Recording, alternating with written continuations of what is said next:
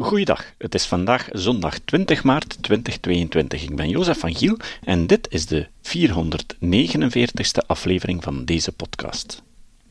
Tegen dat deze podcast live gaat, weten we of er na 2025 nog kerncentrales zullen zijn in België. Maar de opname heb ik ervoor gemaakt. Het lijkt erop dat de oorlog in Oekraïne de regeringspartijen tot reden gebracht hebben in dat debat. Wanneer je naar deze aflevering luistert, ken je het antwoord. Tijdens de opname ken ik het nog niet. Sinds aflevering 427 weten we dat we er waarschijnlijk niet zullen geraken om België en Nederland volledig CO2-neutraal te krijgen zonder kernenergie. Tenzij we veel energie blijven invoeren, zowel in de vorm van dure waterstof of elektriciteit. We zagen dat zelfs het Belgisch planbureau dat eigenlijk toegeeft, maar het verstopt achter invoer van waterstof, verbranden van biomassa, wat niet CO2-neutraal is, en gascentrales die zullen werken met e-gas, biogas en CCS. Maar wegen de voordelen van kernenergie wel op tegen de nadelen. Vandaag gaan we verder met het behandelen van de meest gehoorde nadelen van kernenergie. Kunnen we kerncentrales verantwoorden? Deel 3.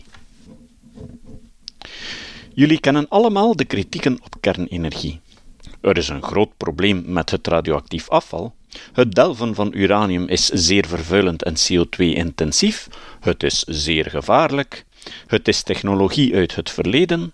De technologie van de SMR's bestaat enkel op papier. Het is PowerPoint-technologie.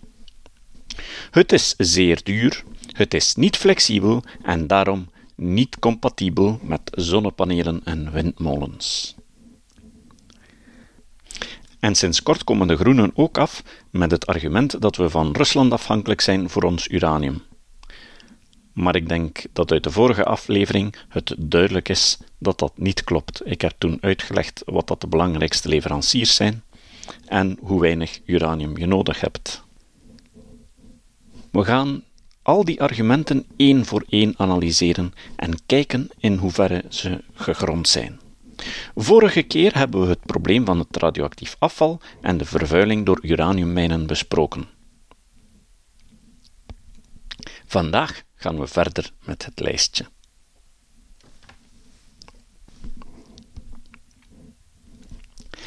Drie. Het is zeer gevaarlijk. Ik erger me eraan dat mensen die graag Fukushima aanhalen nog nooit hoorden van de ramp van Sendai, wat toont hoe ideologisch blind ze zijn. Sendai was het epicentrum van de zeebeving in 2011, die aan bijna 20.000 Japanners het leven kostte. Een van de gevolgen hiervan was ook dat de kerncentrale van Fukushima in de klappen deelde met een meltdown tot gevolg. De kernramp in Fukushima heeft drie doden tot gevolg gehad, waarvan geen enkele door straling. Met andere woorden, als die centrale bijvoorbeeld een gascentrale was geweest, dan zouden die drie doden ook gevallen zijn. Deze informatie staat redelijk goed beschreven in de Wikipedia-pagina van het Fukushima-accident. Ook Lars Robol ergert zich in een uitgebreide Twitterdraad over hoe gekleurd de media met deze materie omgaat. Hoe men zo goed als niet spreekt over de bijna 20.000 doden van de tsunami en onmiddellijk ingaat op de meltdown van Fukushima. Georges Monbiot schreef in The Guardian een artikel waarin hij uitlegt waarom hij door Fukushima niet meer bezorgd is en voorstander van nucleaire energie is geworden. Hij schrijft: Een oude fabriek met ontoereikende veiligheidsvoorzieningen werd getroffen door een monsterlijke aardbeving en een enorme tsunami. De elektriciteitsvoorziening viel uit, waardoor het koelsysteem uitviel. De reactoren begonnen te exploderen en te smelten. De ramp legde een bekende erfenis bloot van slecht ontwerp en hoekenwerk. Toch heeft, voor zover we weten, nog niemand een dodelijke dosis straling gekregen. Er is een uitgebreid onderzoek van de Verenigde Naties dat de gevolgen van het Fukushima-accident in detail volgt. Je vindt de link in de notitiepagina. In dat onderzoek staat op pagina 87 op basis van zijn inzicht in de blootstelling van het publiek, zoals geschat in het UNCR 2013-rapport, U10, dat ruim onder de drempel voor de deterministische effecten viel, verwachtte het comité geen deterministische weefselreacties en merkte op dat er geen acute gezondheidseffecten waren gemeld die hadden kunnen worden veroorzaakt door of toegeschreven aan de blootstelling van straling. De studie kan je vinden in de notitiepagina's. Het rapport verwacht ook geen straling gerelateerde stijging van de aandoeningen onder de Japanse populatie. Op pagina 88 concludeert de studie ook dat er geen stijging van het aantal schildklierkankers te verwachten valt. Als je bedenkt wat een gigantische ramp de Sendai-tsunami was. Het is niet abnormaal dat de Japanse regering kort daarna beslist heeft om alle kerncentrales stil te leggen en aan een veiligheidsonderzoek te onderwerpen. Opmerkelijk is echter dat die geleidelijk aan weer zijn opgestart. De Japanse overheid ziet ondertussen zelfs kernenergie als een strategisch onderdeel in hun strijd tegen de klimaatverandering. Tsjernobyl was een belangrijke ramp. Deze soort kerncentrales wordt niet meer gebouwd en ook Rusland heeft alle centrales van dit type stilgelegd. Maar de ramp zegt veel meer over een falend totalitair regime dan over de intrinsieke veiligheid van kernenergie. Het voorval is voor een groot deel het gevolg van roekeloos gedrag. Het niet durven ingaan tegen de orders van bovenaf en het niet durven melden van slecht nieuws. Over Tsjernobyl worden echter horrorverhalen verteld die veel verder gaan. Antinucleaire organisaties goochelen graag met cijfers van duizenden geprojecteerde verwachte doden. De ergste schatting is 60.000. Mensen die in de radioactieve zone zaten en waarvan bij gevolg verwacht wordt dat ze vroegtijdig zouden sterven, bleven leven. Ondertussen, bijna 40 jaar later, zijn die extra doden er niet. Jaar na jaar moeten die verwachtingen naar beneden worden bijgesteld. Daarom is het steeds een goed idee om eens te kijken naar wat de cijfers echt zeggen. In Our World in Data, gerenommeerd om het verzamelen van goed onderbouwde informatie, heeft hierover een artikel. Volgens dat artikel vielen er 39 directe doden. Dus doden als direct gevolg van de ontploffing.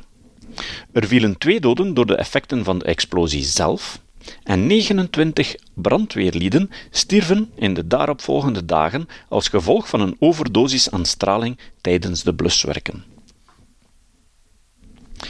Die hadden kunnen vermeden worden met een betere organisatie. In 2005 lag de laatste schatting van de VN op 4000 doden door straling.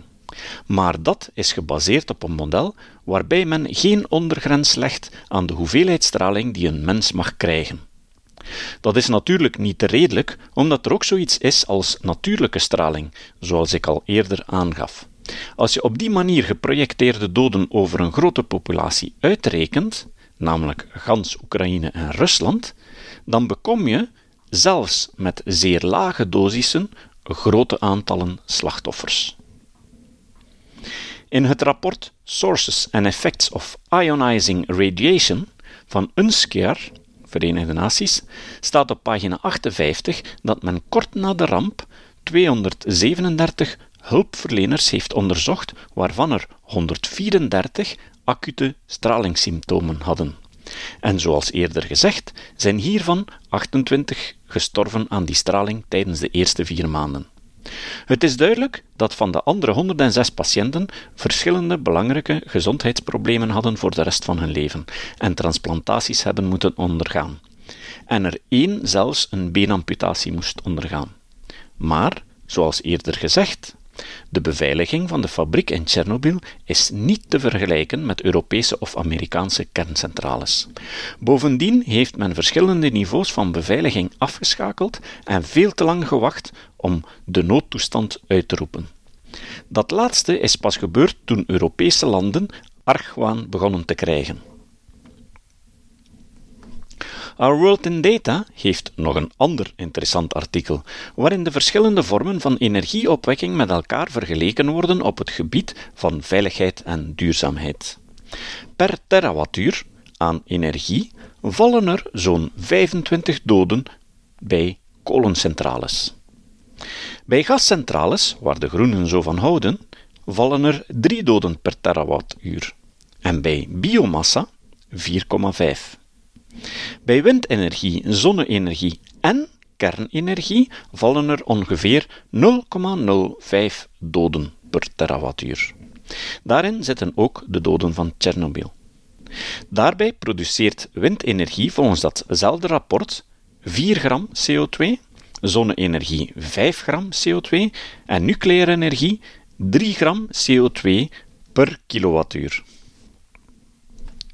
Ter vergelijking, Kolencentrales produceren 820 gram en gascentrales 490 gram.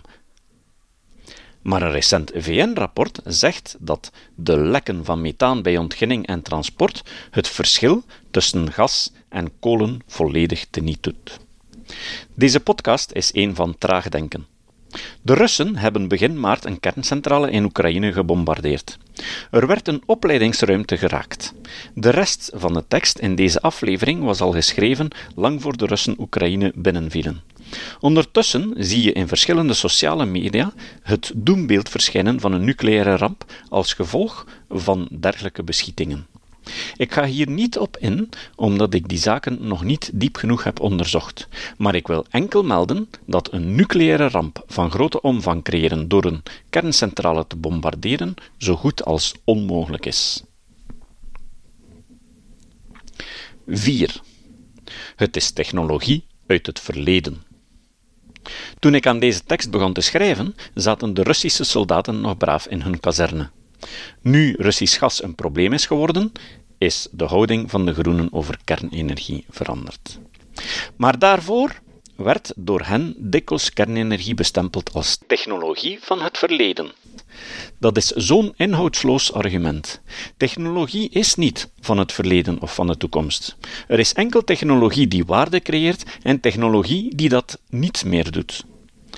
De eerste heeft recht van bestaan, de andere niet technologie van het verleden is een argument dat je gebruikt als je geen echte argumenten hebt. Staal maken we ook al meer dan 2000 jaar, maar toch is dat geen technologie uit het verleden. De helft van de staalsoorten die nu aan de automobielsector geleverd worden, bestonden vijf jaar geleden gewoon nog niet.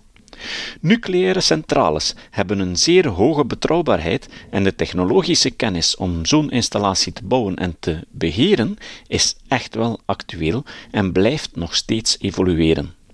Er wordt nog altijd onderzoek gedaan en er komen nog dagelijks nieuwe technologieën en nieuwe wetenschappelijke inzichten in de nucleaire sector. Als men dat zo zegt, dan kan men evengoed zeggen dat windmolens technologieën uit het verleden zijn. Windmolens werden al in de oudheid gebruikt, dus waarom zou dat dan wel de technologie van de toekomst zijn? Nog eens, ik vind dat een zinloze discussie. Een moderne windmolen is bijna niet te vergelijken met een windmolen uit de oudheid, en ook daar worden nog dagelijks nieuwe inzichten geboren.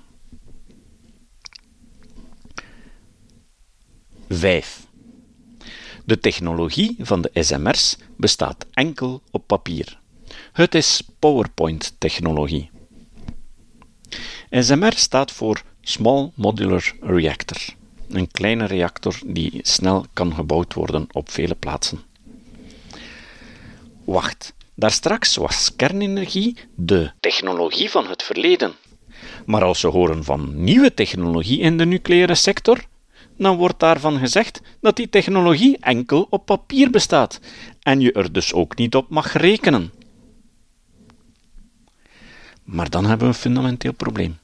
Als men enkel energie wilt opwekken met wind en zon, dan zal men technologie nodig hebben om massaal elektriciteit te stockeren. Die bestaat nog niet. Zelfs niet op papier.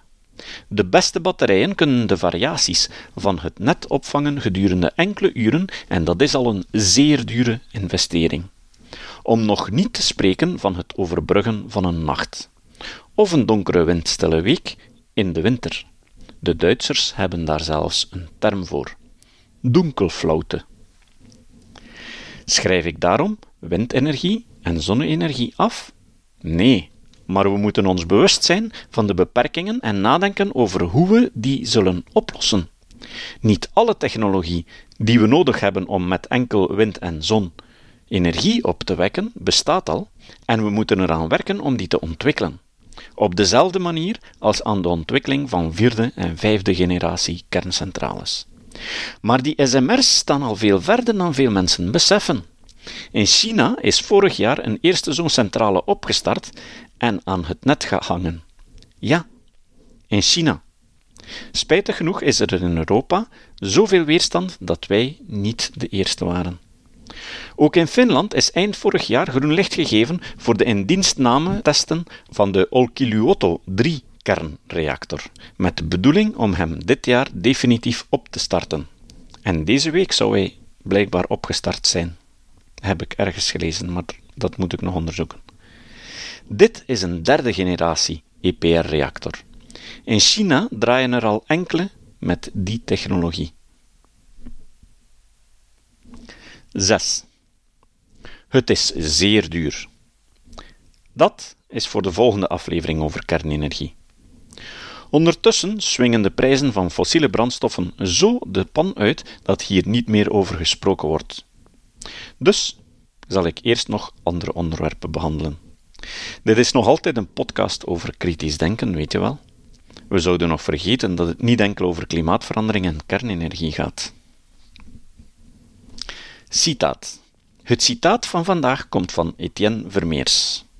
Vermeers zei: Ik heb nooit de Arkprijs van het vrije woord gekregen, precies omdat ik altijd voor het vrije woord heb gekozen, tegen modieuze opvattingen in. Tot de volgende keer.